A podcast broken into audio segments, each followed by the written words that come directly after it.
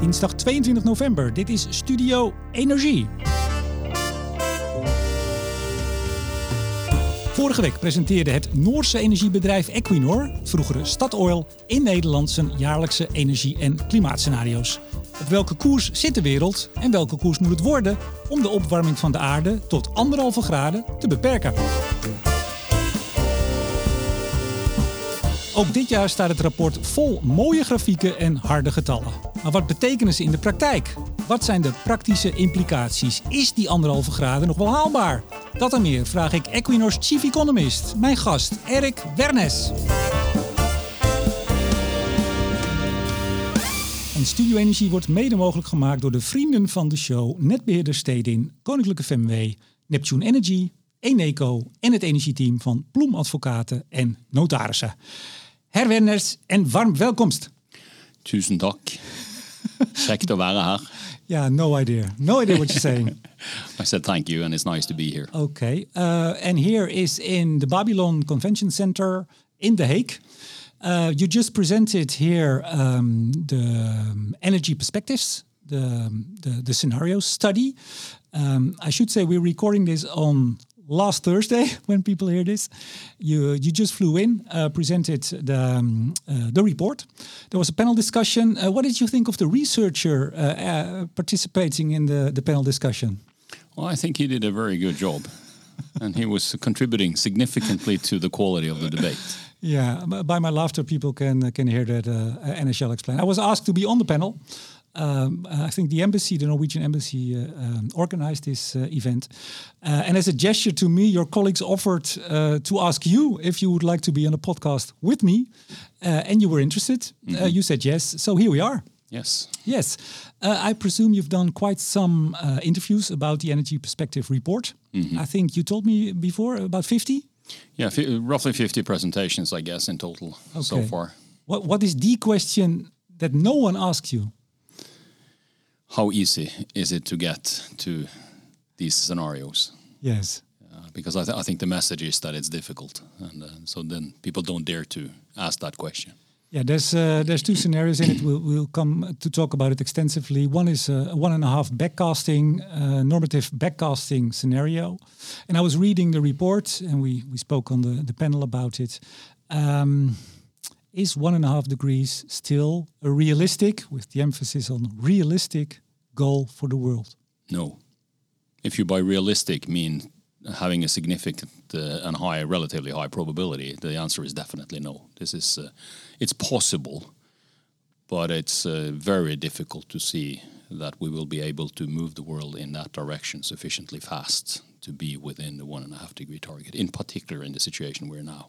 Yeah, uh, and in the report there's a there's a, a very confronting graph uh, with the the COVID uh, well the COVID situation projected, uh, which said to if we if the world let's say it in another way if the world would get in a COVID like economy, it still would not be enough. So for the next couple of what 20 30 years, mm -hmm. it still would not be enough for one and a half degrees. No, if emissions uh, fell every year by 7 8%, like it did in 2020, we would then pass the, the target for 1.5 degrees uh, warming just after 2040. So, but then, then so, shouldn't we say, and I, I asked you this in the panel as well, uh, shouldn't we just say 1.5 degrees is out the window? You said it, eh? not realistic. Forget about it. We should focus on, well, what can we achieve, and uh, perhaps also uh, adaptation. Well, I think I think it's uh, we should still at, at, least we what we shouldn't do is focus too much on talking about only the one and a half degree target. But, but that's what you're doing in the report. No, no, well, we're also looking at the world scenario and other scenario, and uh, what we are focusing on is the things we have to do to move the world in the right direction, mm -hmm. and and all those things are the same, irrespective of what type of final outcome you think about. Uh, so, and then, but then in order to achieve the target, it's about doing more than we otherwise uh, will the, the danger of stopping uh, talking about the one and a half degree target is that we stop doing the right things as well. But but the danger so also in in talking about the one and a half degree scenario and well probably not making it, not making it. Other people say we have to make it. Is that it distracts from, like you said, and wh- which is really incredibly interesting in the report. What can we do? What are the, the sacrifices we have to make? The costs, and not only financial. Yeah. This debate we're sometimes not even having because everybody's just focusing on one and a half, one and a half.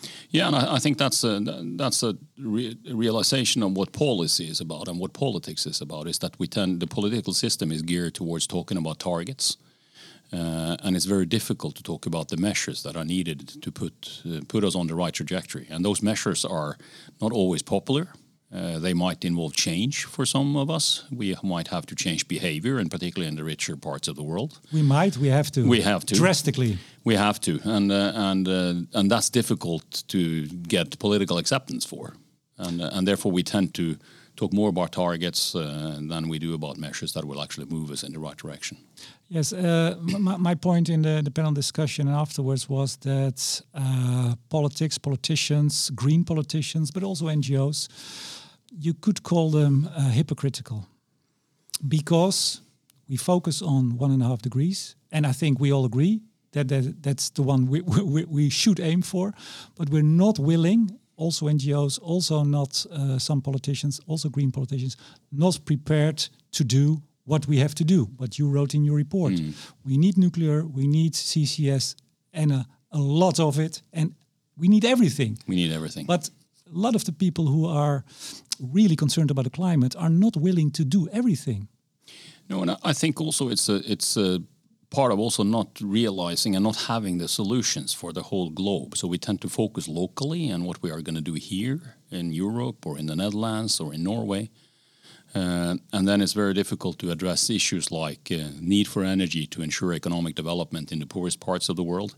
How are you going to combine that with with reducing emissions? And and there hardly anybody has an answer. And if you look at the different uh, trajectories within IPCC that that delivers on the one and a half degree target, they're massive. There's a very large number of scenarios that do that, but very few of them, if any, uh, addresses the same uh, in the same vein the need for economic development in the poor parts of the world. Yes, your, your, your report is about 50, 60 pages Mm-hmm. long. It's quite, well, it's good to read. It's You, you can read it quite quickly. yeah, no, it's, it's quite, it's an impressive report. My compliments.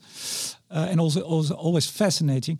But you said in the presentation this morning, you said, well, if you look at the regional uh, effects, which are not in the report, but they are, it's, it's sometimes, it's my words, devastating, the consequences of what we have to do to reach one and a half. Yeah, or not maybe not devastating, but it's uh, but it's mind-boggling in terms of the cha- uh, the challenges and the thi- things that have to happen. It's uh, But can, can you give uh, an example in what region what would well, have to happen? as an example, I mean, what we one of the one of the things that that uh, that we say in the report in in our backcast scenario, if you're going to get to one and a half degrees world, the, the whole road transport sector, as an example, will basically be electrified. Incl- that includes trucking. With, with a little bit of a, a caveat, no, that's not the case for all trucking, but almost. We'll have a little bit of hydrogen there, and we're going to use only one third of the energy that we use today in a population which is two billion people more. Yes, um, and with and the same number and- amount and- of cars that we have at the moment. and the same amount of cars that we have at the moment, which means that uh, that the car density in uh, emerging economies cannot increase to the heights that we have here, as an example. so, or, or we have to give up the cars so they can have one. Yeah, well, that's the, yeah, but the, but the number of people are so much larger in the emerging economies that the, we- our car density will go down. Will Mm-hmm. have to go down, and we'll have more car sharing or public transportation. But at the same time, the car density cannot increase to the heights that we had when we were at the same development level as they will be in 2050. Yeah, in the but, but, but, but if you, on a regional basis, what, what is what is one thing that is difficult to imagine is that this is not only the case for the globe. The, the, the transport sector in North America will have to look the same. And if you look at the, the road transport sector in America right now, in the United States, it's very difficult to imagine that that's going to be that electrified. So that is one example. Yeah, Dif- difficult to imagine or impossible. Yeah, with, with the development we see now, basically impossible. Yeah. So things have to change, Yes, to put it mildly. to put it mildly. Yeah. Yes. Well, we're going to go in depth uh, in a while, but um, um, y- y- Norway's borders uh, Russia. Mm-hmm. Um, Russia in the north. Some weeks ago, there were uh, unidentified drone sightings at oil and gas um, installations, also at airports. I think a couple of Russian uh, Russians were arrested uh, with drones. They were uh, scanning airports. Security has been tightened. We hear here in the Netherlands. What's the situation like at the moment? Well, it's. Uh, I mean, the general security situation is uh, raised both in, in, in all of the North Sea basin and in all of Northern Europe, uh, and of course the, the focus on possible cyber type of attacks or, or drone sightings and using that for difference is, is increased. Mm-hmm. Um, so, so, but but in terms of operations and in terms of running running what we're doing, it's uh, it's business as usual, uh, but with increasing with an increasing uh, level of alertness, if you like. Yes, but and it's, it's, the same for all. It's the same in the UK. It's the same in in Norway. Uh, and of course, we have a very long coastline. We have uh, 9,000 kilometers of, uh, of gas infrastructure pipelines. So there's a lot of things to, to look after, both on a both on a normal safety side, and then of course uh, with the added dimension of security. Yeah, but but these drone sightings um, have they increased, decreased? Yeah, we've seen an increased number of drone sightings gradually over the last years, basically. But that that also follows with the fact that uh, that uh, more people have drones, right? So so, uh, but of course, part of that might be uh, coincidental, uh, and but also when we can't identify who is responsible for the drones, it makes you worry. But I mean, is it are these drones you can buy in a toy store, or are these professional military drone type? I don't know. I I don't know. I, I would guess it's a combination. Uh, we also had a drone sighting that turned out to be an airplane. Ah. on, on route from Oslo to Stavanger. So, uh, so uh, you know, it's difficult to identify something when it's dark and uh, and you only see a light. But but I mean, your your oil and gas um, um, uh, rigs. How far uh, are they on the on the sea? Some of them are several hundred kilometers off coast. Off so you coast. don't get there with a, with a, a, to, a, toy drone. No, then you have to you have to launch that from somewhere else, yeah. either a boat or or or a submarine, if you like. But uh, mm. yeah, you had, so it's because you have to in order to get there, you have to fly a helicopter to get out. Mm, okay, um, so so security is, is tightened. Mm -hmm. Yes, okay. also at the uh, the onshore plants as well. So. Sure. Um, can you tell us a bit more about Equinor? Because I said formerly known as Statoil, and we have some young listeners as well who have no idea what Statoil is. yeah, Equinor, which used to be called Statoil before 2018, uh, is uh, Norway's uh, largest energy company. It's uh, one of the largest energy companies in the world. Uh, was founded 50 years ago. We have our 50 year anniversary this year. So quite recent. Yeah, or quite old for being a company, but uh, but yes, and and of course has been an instrumental part of of the 50 year history that Norway has as an oil and gas producer, oil and gas supplier. Mm-hmm. So so we're Scandinavia's largest company, about 22,000 people working in Equinor in many countries around the world. Uh, we produce uh, a lot of oil and gas, in particular from Norway, but also from other countries like the United States, the UK, Brazil. Yeah, I read you're in, uh, active in about 30 countries. I didn't know that. Yeah, so the, the, production is not from that many countries, but yes, and, and, we're also expanding now in the other parts of our strategy, which is to grow our renewables business, and we hope to get more renewable activities in other countries, for instance, in Asia. Mm-hmm. Uh, and now we're also developing the third leg of our strategy, which is uh, low carbon solutions like carbon capture and storage. So we're now introducing the possibility to buy CO2 storage uh, on the Norwegian continental shelf in a project called Northern Lights. And we're also then working to develop uh, both uh, blue and green hydrogen. So hydrogen based on either natural gas with CCS, and in the future, uh, hydrogen based on uh, on green electricity. Yeah, I, I went to, uh, to, to Oslo. I think in 2019, did a podcast there with uh, Stephen Bull, your mm. former colleague. Yes, I think it was your former boss. He was also my boss for a little while. Yeah, it was. we we did a podcast about uh, the Northern Lights project. How far mm -hmm. along is it now?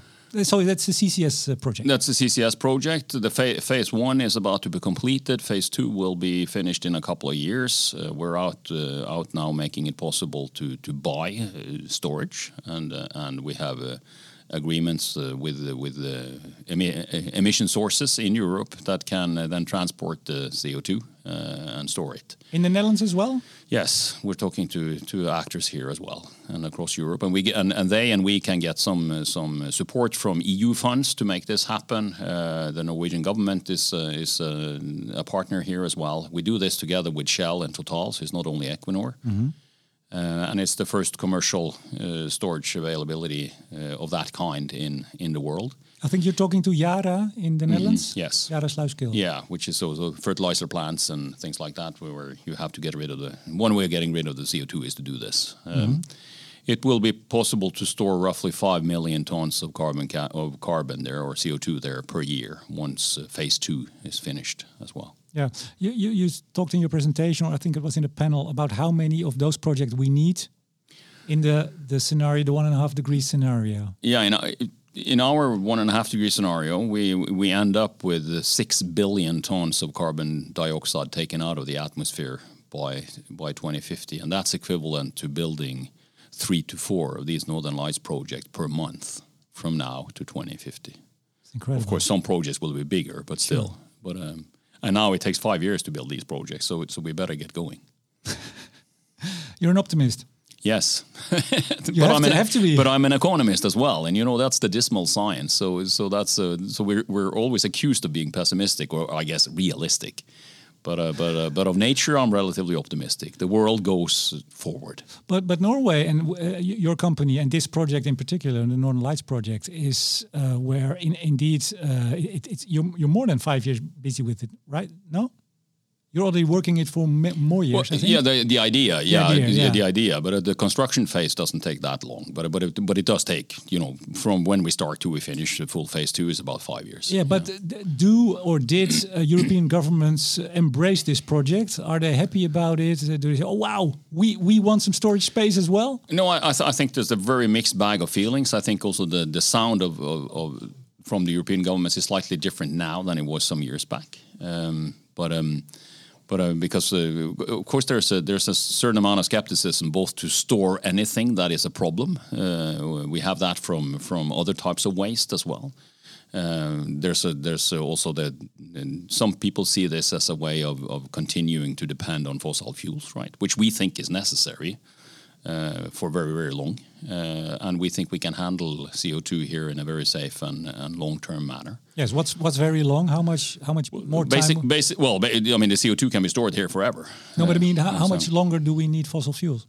forever. Uh, but but but the last part of that is probably going to be feedstock. As long as there is oil and gas to to extract, it's probably smart to do it at least to produce the commodity goods that are depending on uh, on uh, oil and gas and and where we, the carbon is contained in the product. As long as we can, the energy used to in the petrochemical industry to produce these products, it's uh, until we have an alternative that is more efficient. The hydrocarbon molecule is fantastically flexible and uh, and uh, just think about all the all the things you have in your everyday life within your homes that is based on oil or gas or both. Yes, you said uh, in, in the, the conference room, everything you see around you here is based on, on oil. More or less, yeah. it will be into 2050 as well. We think so, uh, but we will recycle more of it, so we'll have less plastic waste, if you like. And and the most important thing is to take the carbon out of the energy that is being used to produce these things. So the in a one and a half degree scenario like the one we have, 80% of the remaining oil, so about 20 million barrels per day, so 20% of what we're producing today, will go into as feedstock in in uh, commodities and uh, consumer products for Yeah. 4 billion new middle class consumers. We're going to be 10 billion people. So how do you look at the stop oil movement? People uh, gluing themselves to paintings, really being desperate about uh, about climate change and wanting production of oil and gas to stop basically immediately. Well, I understand the frustration uh, and and uh, and the the inability to do something meaningful with the emissions and so on. I understand the frustration, but I also I don't think they see the whole picture, uh, and especially the the massive massive challenges we would have if we if we stopped using oil and gas immediately. This is not about producing uh, only. This is also about using, and and uh, all our modern lives, and in particular in the rich parts of the world, depend on that type of access to energy. Uh, and at the end, it also depends on that uh, access to those types of consumer products, which are made out of oil and gas. So, but it, when I when I talk to, uh, for instance, Extinction Rebellion here in the Netherlands, they say, well, we we have to go back. We have to go back in development. We have to uh, just use less energy. That's it. And so, a lot of things we're used to as modern Western consumers and citizens, we can't do anymore because that's what the Earth climate asks from us. Yeah, and, and uh, to some extent, I understand that. If you're talking about uh, the one tenth of the global population that uses much more energy than anybody else, but it's the rest of the world that is uh, that it, that we also have to think about here. But that And- means that we and, uh, even have to do more because China and India have their time still to develop. Well, and you have a It's- it's two billion two billion people in Africa as well by Yeah, 2050. yeah, so? no, definitely. So, but but it's uh, as an example, it uh, running uh, running modern agriculture, feeding a population of eight billion people, soon to be ten, without inputs from fertilizers and from uh, mechanized, mechanized equipment is probably impossible. Yeah, and, you, and So, so that's one of the at least uh, over the next decades. Yeah. So we have to, to have to start out by doing as much as we can in terms of reducing the dependency on oil and gas. But if you were to stop immediately, you would send the world into a massive disaster. Yeah, and talking about fertilizer, you did also in your presentation. We see now in Europe, uh, also in uh, steel, steel and fertilizer, demand uh, reduction, demand uh, degrowth, or production, I should say. Yeah. We are producing less fertilizer, less steel. Yeah. Where are we heading?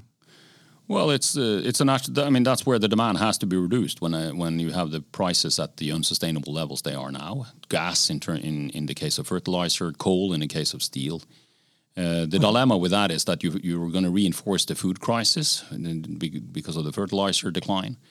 Uh, people are going to come, become unemployed. On the steel side, uh, the problem with that is that it's going to increase the, the bottlenecks that we're having in steel already, or in general global supply chains. And uh, that means it's going to be more expensive to build a wind turbine as well, because uh, in terms of mass, I guess about 80% of, of a wind tur- modern wind turbine is steel. Yeah. And then there's uh, uh, raw materials, uh, rare earth metals coming from China and partly from uh, from Russia. And there's another uh, dilemma. Yes, and uh, we have to find ways of find ways of getting access to the minerals and the metals uh, in more sustainable ways than today uh, from different areas. We have to to look at the, I mean, the EV revolution that is needed in terms of electrifying parts of transport. Probably will need mm, twenty to thirty times more lithium uh, over the next decade or decade and a half if we're to solve it. And we're and there's probably enough lithium, but it's uh, but it's difficult to see how how quickly we can ramp it up. Uh, the refining industry, how we can get it into the batteries. Then we will hope that the battery research will allow us to have more efficient batteries. Maybe we can drive cars that weigh 900 kilos instead of two and a half tons as well. So, so there's a, a lot of these things have to happen, and and, and the, the problem with it is that it takes time. It's Yeah. the, the system here, the energy system, is massive and it's growing. I think a, a mine, uh, lithium mine, takes eight to fifteen years to really get to uh, production. Yeah, traditional mining. Traditional Fortunately, mining. we're looking at uh, all the ways of producing lithium where you can get it out by, via geothermal heat. So it's not traditional mining, as an example, but Mm-hmm. but that has to be scaled. It has to be profitable. It has to be environmentally sound to do it, and you have to be allowed to do it where that lithium is uh, is placed, and that's not not a given either. It's uh, not not everybody wants lithium extraction in their backyard, right? to put it mildly. Because how do you see uh, Europe moving forward, and especially the EU? Because we're, like I said in the, the panel discussion, we're sort of on, on the, the the very top of the, the Maslow pyramid. Uh, we have sort of, um, um, well, China is making sure we get all the stuff we want for uh, not a lot of money. Russia was our energy provider. America was our um, security provider. Do you think Europe is willing to to to become a mining continent again? To to take the disadvantages which accompany stuff like this? Are we willing to do this in Europe? Well, I, I think that's uh, that's uh, a difficult question to to to ask Europeans to do. With with the difference that we, we are. I mean, it, Europe is not equal all over the place either. But it's uh, but it's a matter of resources as well. Where can you find the natural and and whether we're talking about mining or whatever, it's a. But do we Uh, want but- to? but, do we want to I- have I- mining activities more? We need a, a, a lot more mining activities in Europe to become less dependent on, for instance, China. And do do you see already a turn? Do you see a turn coming? No, no, I don't. I don't see a turn. Uh, I, I don't think. It, well, somebody will have to look at the possibilities of actually getting those minerals out of different places in Europe. And of course, if you if you extend the European def- definition a bit, uh, You could include the western part of Russia as well, and there the probably the minerals are are are uh, available if you like. But then we're we're not going to do that with Russia in in the next uh, many many years, right? Mm. We're already in the middle of the uh, energy perspective report. I've prepared my notes, and I was going coming to go there. Well, ju just um, it's the twelfth edition. Mm -hmm. Yes. Uh, you already worked on the first one as chief analyst. Yes. Now you're chief economist, and mm a mm-hmm. lot more. Yeah, and now I'm uh, heading up what is called global external analysis in Equinor. So I'm responsible for macroeconomic forecasting, so inflation rates, foreign exchange rates, growth. Uh, I'm responsible for all the market anal- analysis that, that is needed for us, uh, both in oil and gas and electricity and oil and gas products. Uh, I'm looking into what our competitors are doing. Uh, we're also making sure that the regulatory uh, approvals that we need to pr- put our products into different markets are in place, uh, and also finally heading up our geopolitical analysis group. So that's been interesting for the last year or so. yes, so you're an economist, a geopolitical expert, you're everything. Or, or maybe a jack of all trades, I guess, or a homegrown political scientist. In addition to, I am an economist, but uh, but it's uh, yeah, but it's uh, you have to work on very different aspects of this when you're uh, looking at the global market. Yes, uh, reading the report, I thought, well, this is such a challenge to to make a report like this, and it must be fascinating to uh, to make it every year. But I thought, shouldn't there be much more than just two scenarios? Because you have to take so much in, in into account, just mm. what you said, inflation, and how can you make? Uh, we're going to the two scenarios mm -hmm. in a minute, but how how do you do it? Well, you start i mean the starting point for all these types of analysis is of course the, the history and, and the current state of the world in terms of the markets that you're looking at. And, and in our case that is uh, ultimately it's uh, it's uh, satisfying energy demand. And uh, energy demand comes from six different sectors typically in each economy. So it's uh, transport it's electricity it's transport it's uh, manufacturing it's it's buildings and it's the feedstock Mm-hmm. And, and transport is split off, generally split in two, so non-road and road. Um, and then it's speculating about how, how will those sectors develop. What do you think about economic growth? We start out with that. Uh, we add on the geopolitical aspects of this. How will we be able to cooperate? And you can imagine different ways there, right?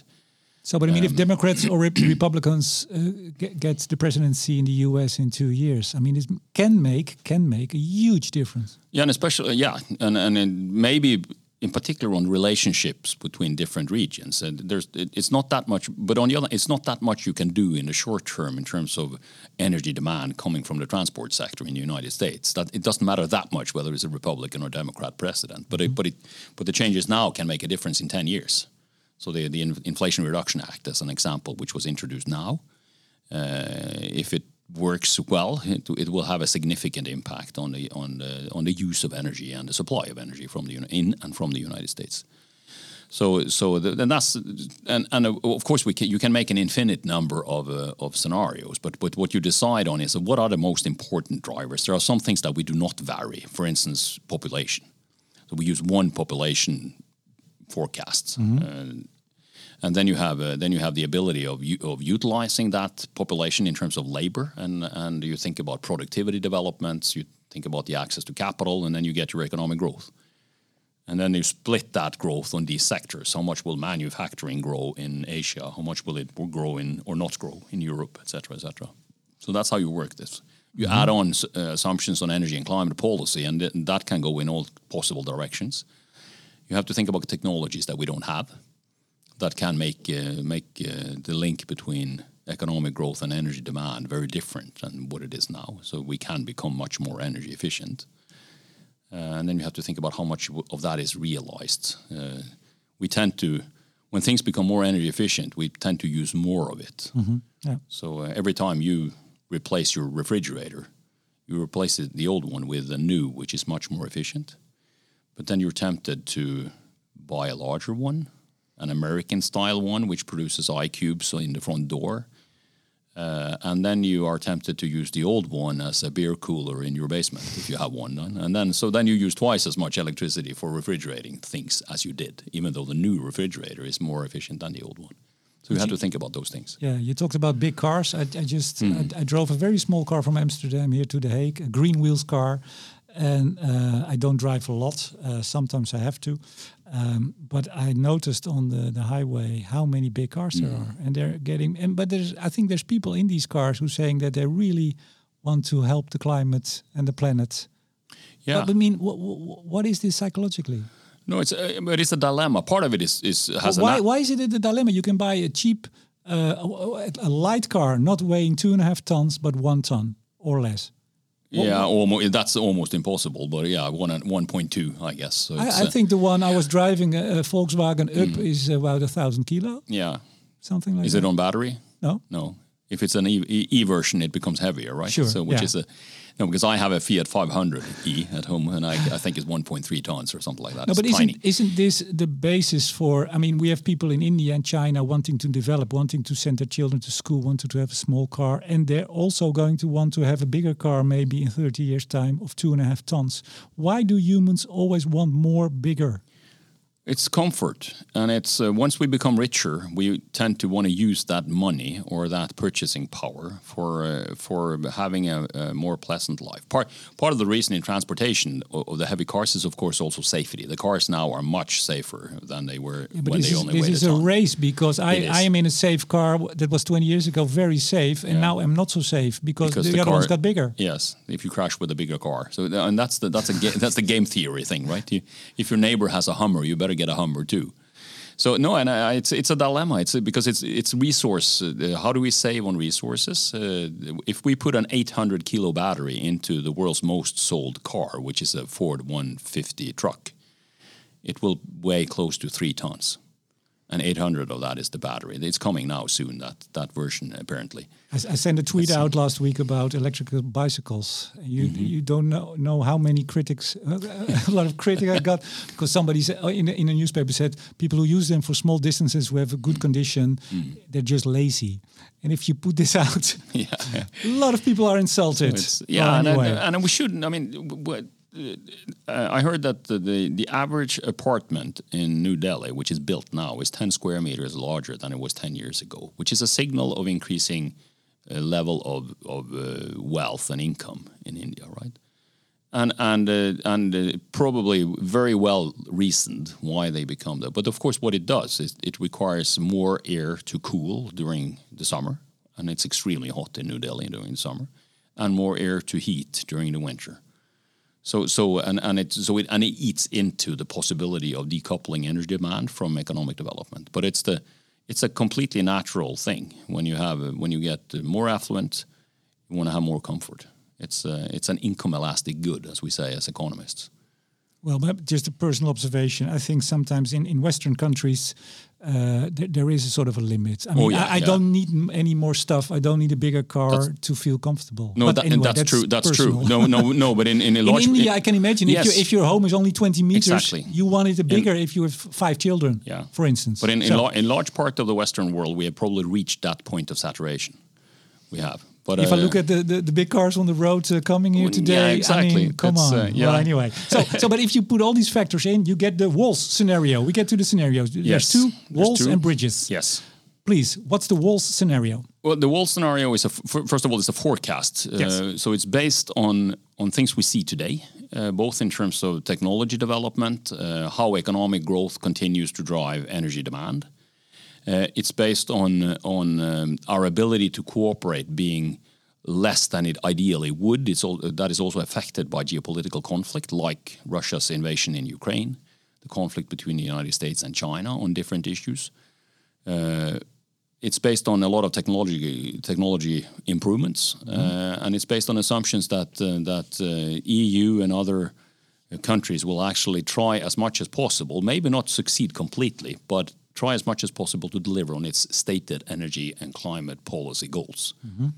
So, so uh, and and therefore it delivers uh, delivers a global economic growth of uh, of uh, 1.8 percent thereabouts per year. So, so the world is almost twice as large in in income terms by 2050 as it is today. Uh, delivers a one third reduction in in global CO2 emissions from the energy sector, but not sufficient to reach the one and a half degree target.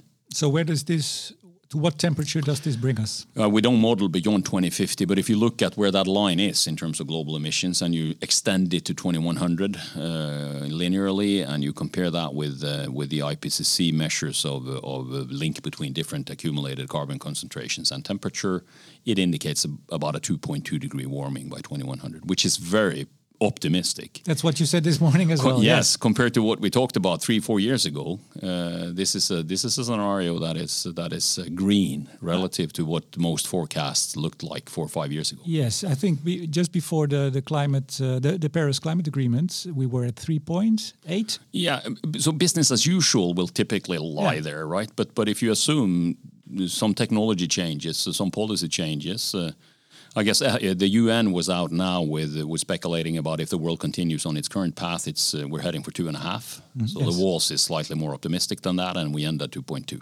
But this is a realistic scenario in your yes perspective. Yes, realistic in the sense that it's also actually it's not only plausible, but it's also relatively probable. Yeah. So in, in the range around it, of course, any given point estimate in this scenario is is. Doesn't have a very high likelihood, but the trajectory and the area around it, whether you're talking about oil demand or gas demand or CO2 emissions, we think is uh, is uh, realistic in the sense that it's also probable. So why do you th do you think like I think uh, IEA came out with the 2.5? I think it was the IEA. Yeah, their steps scenario yeah. is, is uh, so, so 2.5. In, in about yeah. seven years, we, we, we've come down from 3.8 or 3.7, something like this, to 2.5, 2.2, 3. Mm -hmm. Um, why do you think this is not in the news? Because we are only talking about uh, the Holy Grail, which is one and a half degrees. Yes, but and yeah. you do as well. No, I talk about the walls as well. sure, no, but you you you put it alongside the yeah. 1.5, and when you're optimistic for the wall scenario, mm -hmm. then the bridges scenario. We come to this now. Um, I mean, and, and we had somebody from the Dutch uh, representing the Dutch government this mm. morning. He said, "Well, we, if, if not, we're not not going to make it." And all mm. this mm-hmm. not going to make it, it always means 1.5. Yes. When in fact in Paris we said, "Well, um, uh, I have the text here because I have to I have to quote it correctly. If mm -hmm. not, mm-hmm. there's a lot of criticism. Well below two degrees, uh, and pursuing efforts to limit to one and a half. Pursuing -hmm. efforts. Yes. But this agreement, this historic agreement in 2015, is being translated now as we have to stay, well, basically below 1.5, in mm. fact, or, well, maximum 1.5. So, where is the well below 2 pursuing efforts to 1.5 it's it's not on the table anymore. It has to be 1.5 well, or it, less. it is. It's just that we have to do even more. Uh, so, so i mean all the things that we plan to do to stay well below two uh, are the same things we have to do to go towards one and a half. We just need to do even more. But i mean and, the, and, and, the, and the reasoning why that is the discussion now is that uh, is that the ipcc report from 2018 which looked especially at the one and a half degree scenario concluded that uh, there is a significant difference in likely costs of arriving at two relative to one and a half, and therefore we should focus on one and a half. And then it's uh, it's a bit you know it's it's about social media. It's about how we communicate that we focus only on on this new target.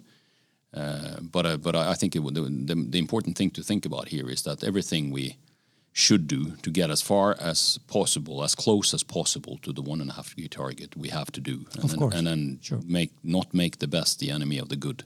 Yeah. So so and not despair if we think it's impossible.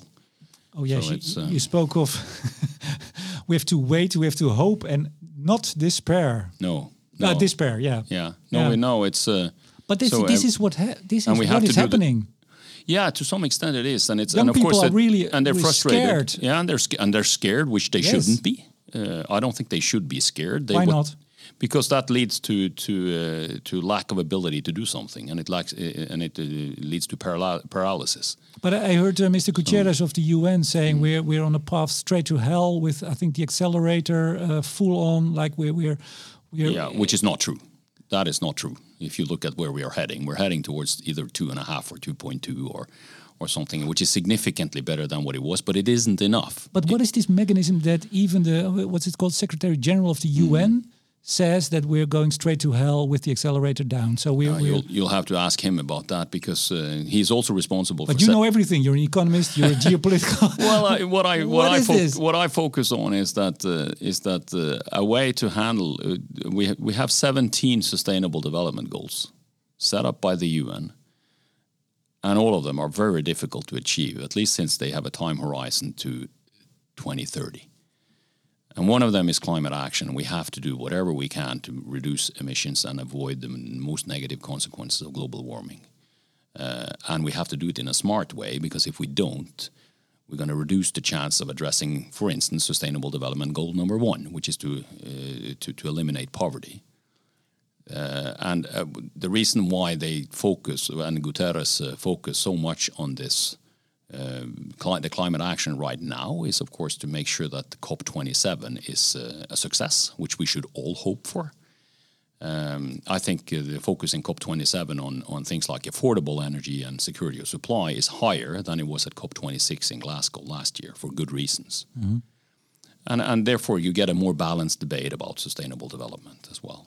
So, uh, so that is uh, and uh, but but of course you can be very frustrated about a lack of speed, the lack of ability to do something meaningful. But, but what we're talking about here is a massive energy system that is slowly developing, becoming bigger and bigger, and we do not invest enough in the alternatives to fossil fuels.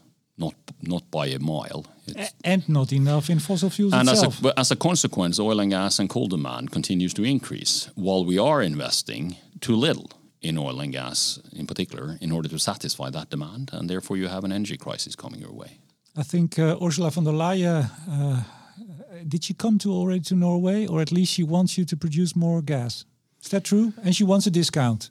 Yeah, and we have when that's uh, well, you know, we are we can probably nor, both the Norwegian companies and, and Norway as a whole can probably discuss long-term contracts as well. It's not illegal to enter into those types of contracts, but uh, no, but we have we are producing more gas uh, since uh, last year. We've increased our production by roughly ten percent.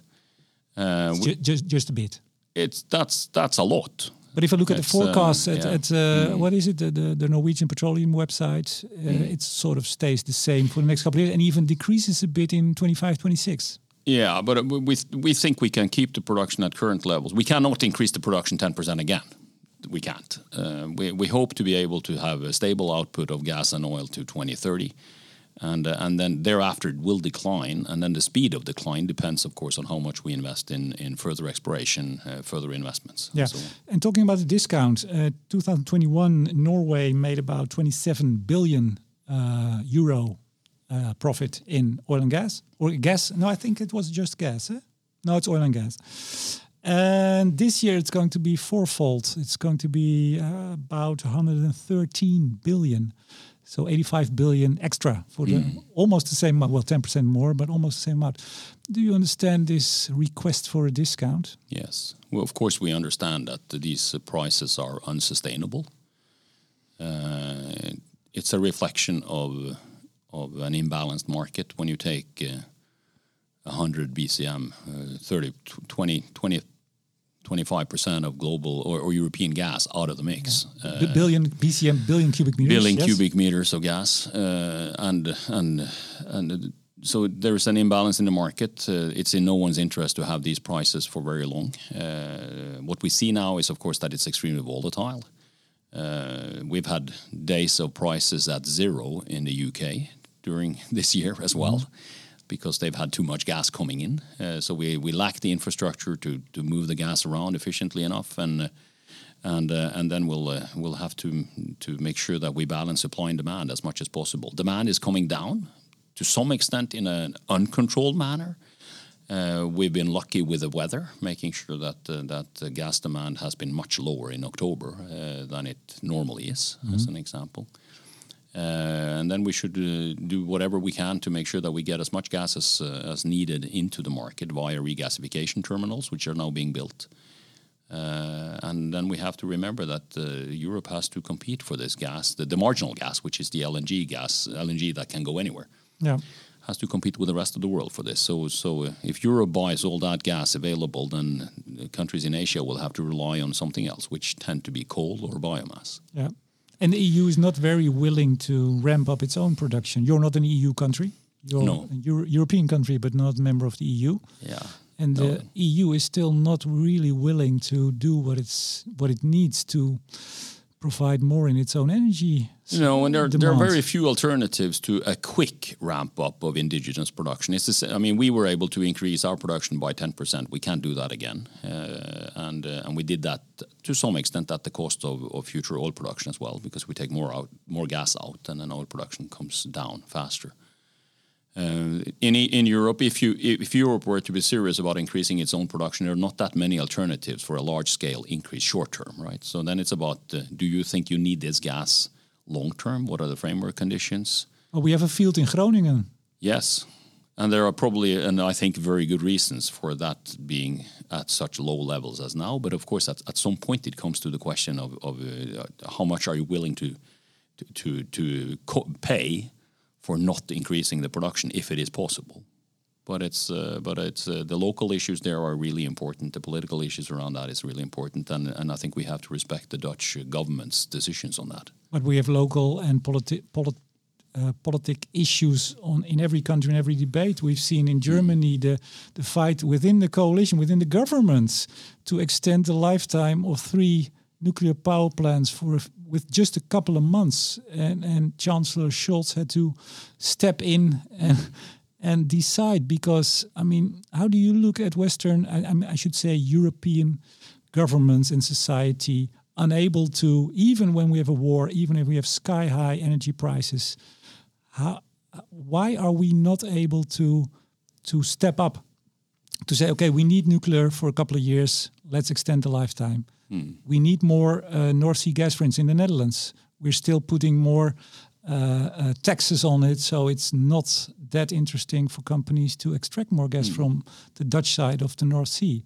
I mean, how do you look at this? No, it's it's a it's a very difficult balance. I mean, it, in in one sense, also we should expect higher taxes in the current price environment, right? So, and governments need the money, but of course, if you do that in the wrong way, you're you're you're disincentivizing the necessary investments as well. But the, the sector in the Netherlands is now saying that this is happening.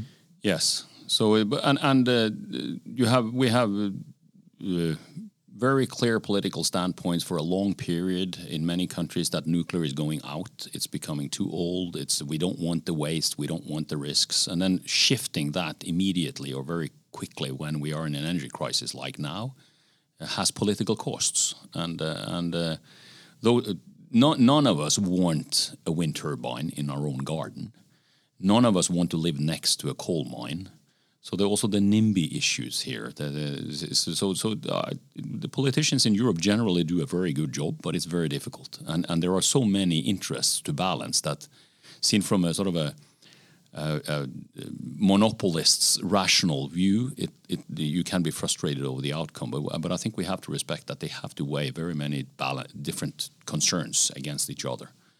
And, uh, and uh, the difficult thing now is, is, of course, how do you balance these markets when demand is too high and supply is too low and inflexible? Where can you get that from? Yeah, and then I said in the panel this morning, I mean, we, we have a big discussion in Parliament about sending one minister to Qatar for the, the World Cup football because we don't like Qatar as well. We don't like mining. We don't like China.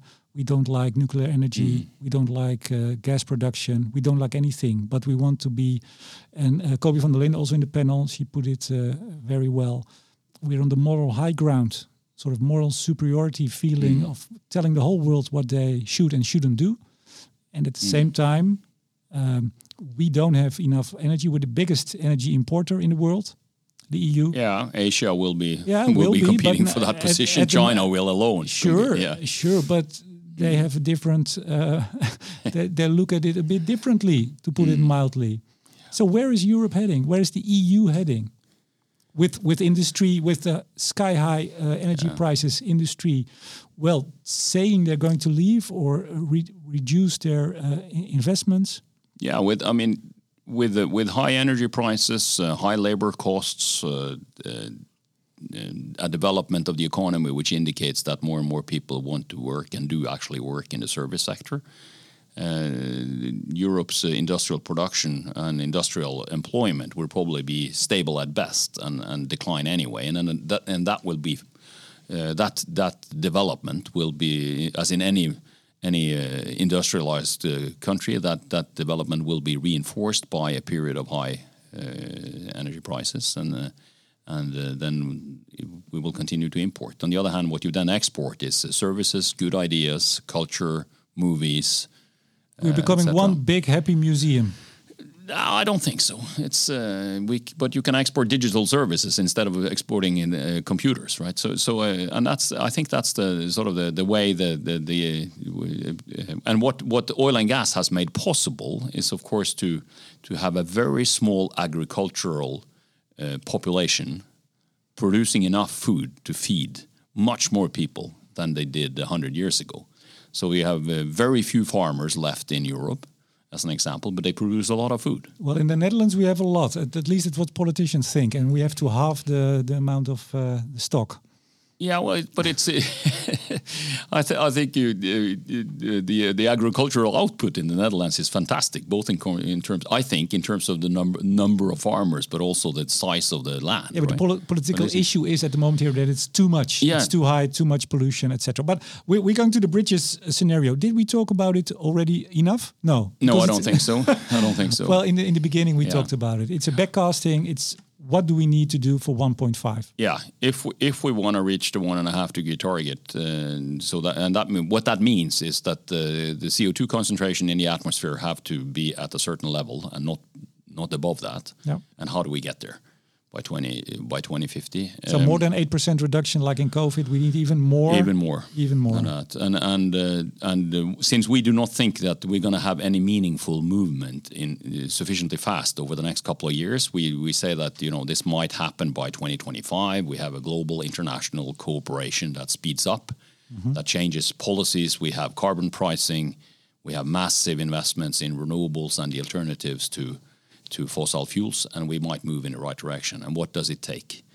and it takes uh, the emissions then from the energy sector down to zero by 2045 roughly after that it has to go negative so we have to take more carbon out of the atmosphere than we put in and we still will put some in because we need some uh, remaining fossil fuels we think in parts of the global electricity sector that will be equipped with carbon capture and storage we will still depend on some fossil fuels for instance for aviation for air transport even though we're going to have a lot of biofuels there as well so, so it's a massive change in uh, the overall uh, energy system. The global electricity sector will be twice as large as it is now, uh, and um, the vast majority of that electricity will be generated by by wind turbines and solar panels. Uh, There will be some hydrogen necessary to make the electricity system balance.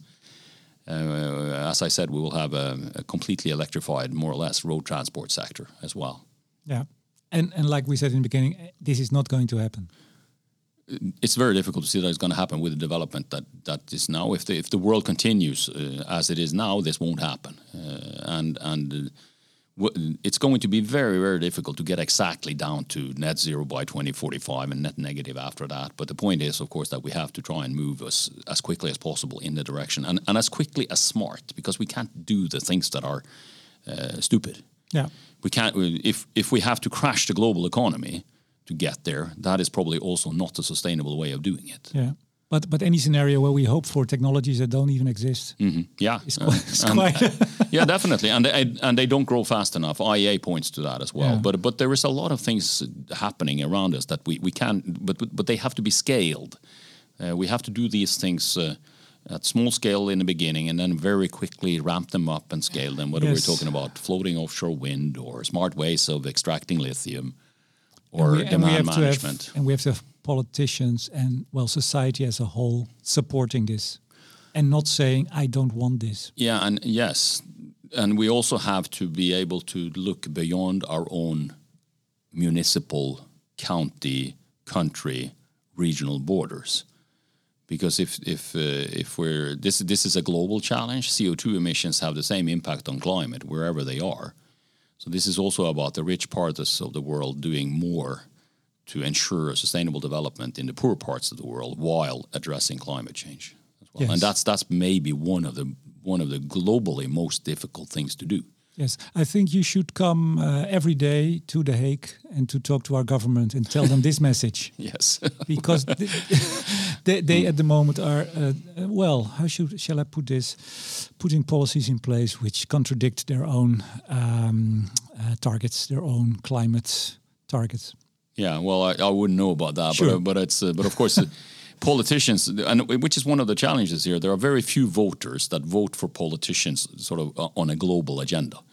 Uh, voters tend to vote for politicians uh, depending on their local agenda. Sure. And that's the that's the tragedy of the commons, if you like, where climate change is one of them. All politics is local. All politics is local, Yes. and that's the nature of democracy. To to to finish uh, the conversation, the position of Equinor in the climate debate, or the transition, I should say. Um, just I think two three weeks ago, uh, the Norwegian government announced that for the first time, um, climate requirements will be imposed on the state's own companies, like you, because uh, Equinor is uh, state-owned. I think sixty-seven percent Yeah, of the shares. indirectly seventy percent. Yeah. indirectly. Your, your minister, Jan Christian Vestre, um, announced this. Uh, he said it will change the world. Okay, so Yeah, what will this do for what it will what will this change for Equinor? I, well, I, I think first of all we have our own climate ambitions and our strategic uh, strategic priorities are firmly in line with these types of requirements. Uh, so we have uh, ambitions to massively increase our our uh, renewable production. We're developing low carbon solutions and hydrogen. You use a lot. I'm holding the text now. You, you're using a lot of words to say it. Yes, we are. But I'll try to make it. I'll try to make it shorter. we have an energy transition plan that that, uh, that aims to make the company uh, net zero, including the scope three emissions, so the emissions of our customers by 2050. That's something we have probably have to do also in within the wall scenario. And uh, and uh, so it's really ambitious. We're going to continue to deliver energy, but we'll deliver it with the world's lowest carbon emissions in the upstream level in terms of oil and gas. It's uh, then providing solutions for carbon storage, and it's also then shifting our energy generation towards renewables and hydrogen. But but but if I read your, uh, I have it here, the energy transition plan of Equinor. Uh, it, it speaks about um, reduction, of course, uh, but also reduction of the carbon intensity.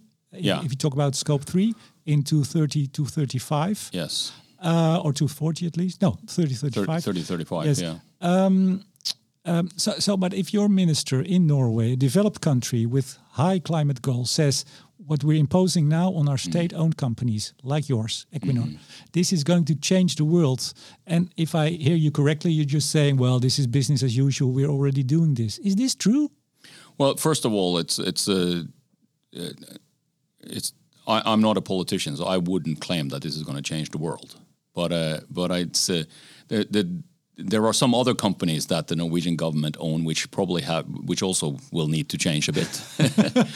Point So, to the but, other guy. uh, yeah. No, no, no, no. But but I think I think our plan is uh, so, and, and of course what we're uh, what we're grateful for is that that we get a uh, by by this requirement you get a help from one of your biggest owners to actually make this happen. And and uh, so when if they require this, then we will have to push even harder to do what we have said we want to do. But one of the things is that there have to be not only uh, goals into 30, 35, 50, etc., but there have to be binding goals, ambitious Mm. binding goals, also for the short term. I mean, so Mm. the, I can imagine that, it, especially scope three, it's very difficult Yeah, for a scope three company is like very yours. very difficult. That's, And, uh, and one of your, your, I think it was in the, the press statement says, well, uh, if not, then we have to just sell off assets. And, and Well, uh, th- that's what- production will shift for, to another part of the world. exactly. But Uh, if your government asks this of you, you will have to comply. if they require it, yes. Yeah, but they, they are. They send this to uh, I think to the legislator. And We'll see if the what the parliament says. But but it's also Ah, about how that is how that is formulated. Is of course in, and how do you do that in practice is uh, is always a question too. But but of course the intention is there, Yes, and but- uh, but- and but the two- our in our le- top leadership have. Have uh, also performance uh, performance uh, contracts which take into account KPIs uh, or key performance indicators uh, addressing climate change as well, right? So so so the short term incentives are there as well but our ability then to deliver in the short term depends on you know what do the what do the consumers do? What's what's the carbon price in Europe that makes it an incentive for somebody who buys our products to actually reduce their emissions? Oh, but the thing is, th- this doesn't matter what the consumer does or, or, or, doesn't do or, do, or does. I mean, you have to reduce, and it says in your 230 to 35 scope three uh, targets, it's reduction of the energy, uh, the um, emission intensity. So it means you can lower the intensity, but still produce more CO2 in scope three. But I think if I read the statement of the minister right, you have to make an absolute reduction also in scope three Yeah. in 3035. Not intensity, but also. Also, yeah, if they, if those requirements are, are put in wording like that, then then we'll have to adapt to that as well, right? So, and, and we have absolute emission reductions in scope one and two in on the Norwegian part of our portfolio. But not, but not three. That's the point. well, then, then that's about reducing production. Yeah. Yeah. So you can sell less um, gas to Europe. Well, yeah, that's uh, at, then- the, at the extreme that might be the solution. Then, uh, or somebody else sells that gas to Europe, and that's that's one of the dilemmas here with with the requirements that affect behavior at the, at the individual company level, and uh, so it's um, it's that that is a challenging proposition and requirement. Yes. Uh, where are you flying off to now, or driving, or whatever? Giving more presentations. I'll take public transportation to Sure. Schiphol, and then I'll fly back to Norway. Okay, and then where's your next presentation on the, the, the outside report? of outside of Norway, it's going to be in Brussels and Paris in a few weeks' time. Okay, okay. Well, I wish you luck. Thank you. Thank you very much for this conversation. Erik Wernes, Senior Vice President, I should add, and Chief Economist at Equinor. Thank you very much for this conversation. Thank you. En uiteraard bedank ik ook jullie, beste luisteraars, en in het bijzonder alle vrienden van de show, waaronder netbeheerder Stedin, Koninklijke FMW, Neptune Energy, Eneco en het energieteam van Bloem Advocaten en Notarissen. Tot zover. Mijn naam is Remco de Boer. Graag tot volgende week.